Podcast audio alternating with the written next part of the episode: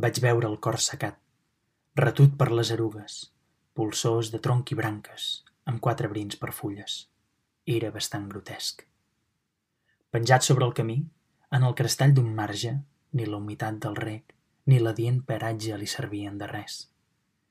Agafant a l'atzar una gruixuda canya, vaig treure-li amb treballs la malastruga plaga, sense convenciment que un ajut tardà li fos remei per viure, i arrencant forta saba pogués sentir-se lliure del fatal contratemps. Més un jorn de tardor, plujós vers el capvespre, trencant la solitud un xerroteig de festa, m'hi he topat de nou. El tiu i revingut, quina espessa brancada! Redós, suaument mogut per l'aire l'ocellada, servia de bressol.